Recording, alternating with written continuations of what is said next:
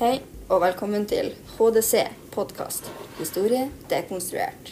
Jeg er da hosten for dagens show og selvlært coach i historie, Aurora Hansen. Og med meg i dag så har jeg han Jesper Stokkamp, historieforsker. Og han eh, Tobias Rømme Pedersen, historieetiker. Yes. Og det vi skal ta for oss i denne podkasten her, det er atombombinga av Hiroshima og Nagasaki, og om atombombinga var verdt det. Så for å forstå litt mer om selve saken, så må vi se på hendelsene før og underveis. Det hele starta når Japan drar med seg USA inn i krigen ved angrepet på Pearl Harbor. Og så, kort etter, så kapitulerer Tyskland, og eh, USA er fortsatt i krig med Japan i 1945.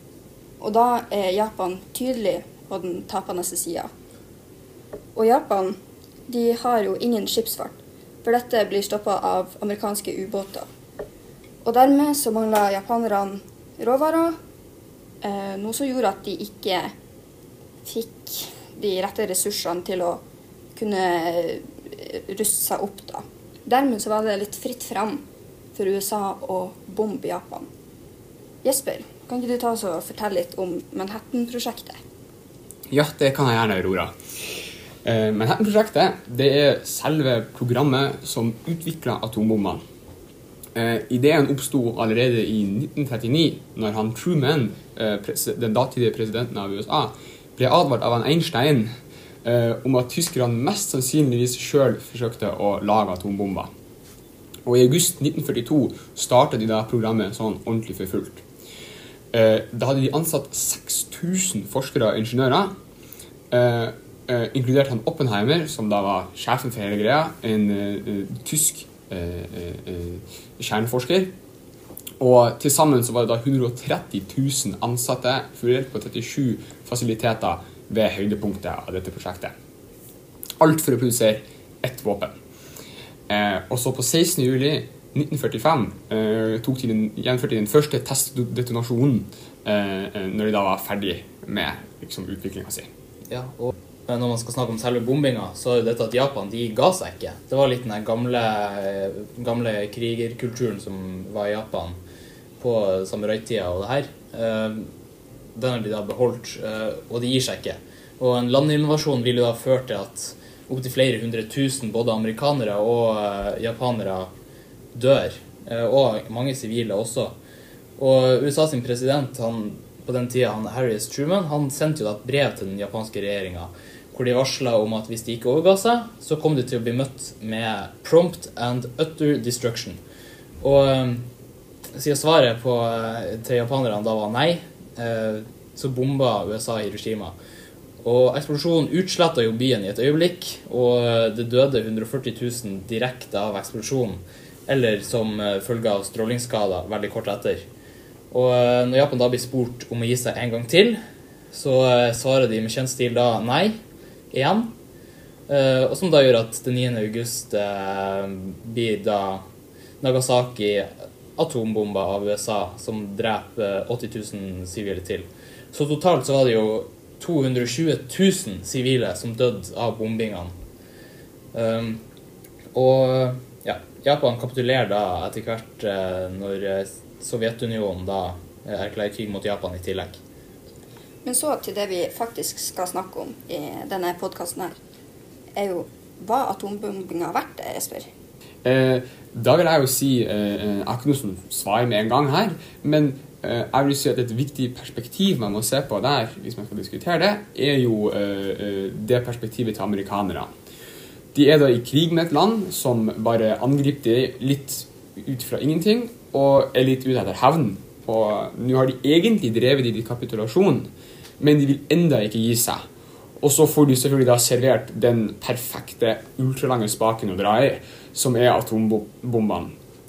Og dermed gir de jo dem da eh, eh, det ultimatumet for å hindre flere amerikanske tap, eh, i forventning om at Japan kanskje bare skal gi seg med en gang.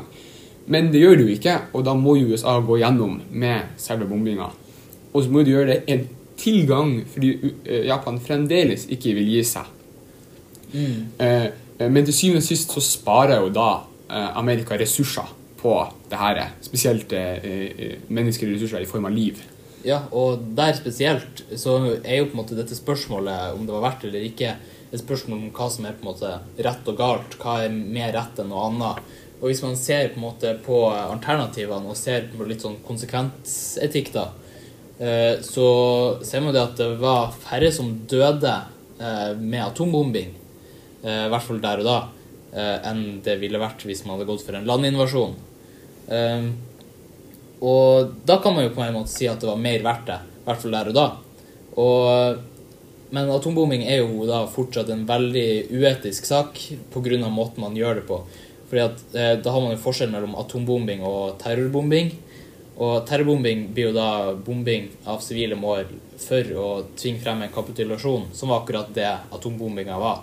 Bare at dette var én massiv bombe. Det er jo da forskjellen på å eh, bombe ting over tid, eller å utslette alt på ett minutt. eh, og at det er mye høyere dødelighet med ei atombombe enn terrorbombing. Men blir det som du sier da, blir det noe forskjell mellom Tokyo, som ble bomba sønder eh, på lengre tid, og der hvor kjempemange døde, og da Hiroshima og Nagasaki, som ble jevna på jordet med, altså, i løpet av noen få sekunder, hvor omtrent like mange døde der og da, da. Når man ser på at alle tre byene ligger i ruiner, og at angrepene var jo retta mot de sivile. Ja, jeg vil, jeg vil si at den brannbombinga som var i Tokyo, altså terrorbombing, eh, er mindre uetisk pga. at det mangler, i hvert fall hvis vi skal se på de langsiktige konsekvensene. Eh, F.eks. dette med at atombomber er også på mange måter ei kreftbombe. Altså, I tillegg til de som døde av stråling på kort tid, så regner man også med at det er mange som døde i etterkant av strålinga de var utsatt for. Og denne strålinga går jo også i flere generasjoner.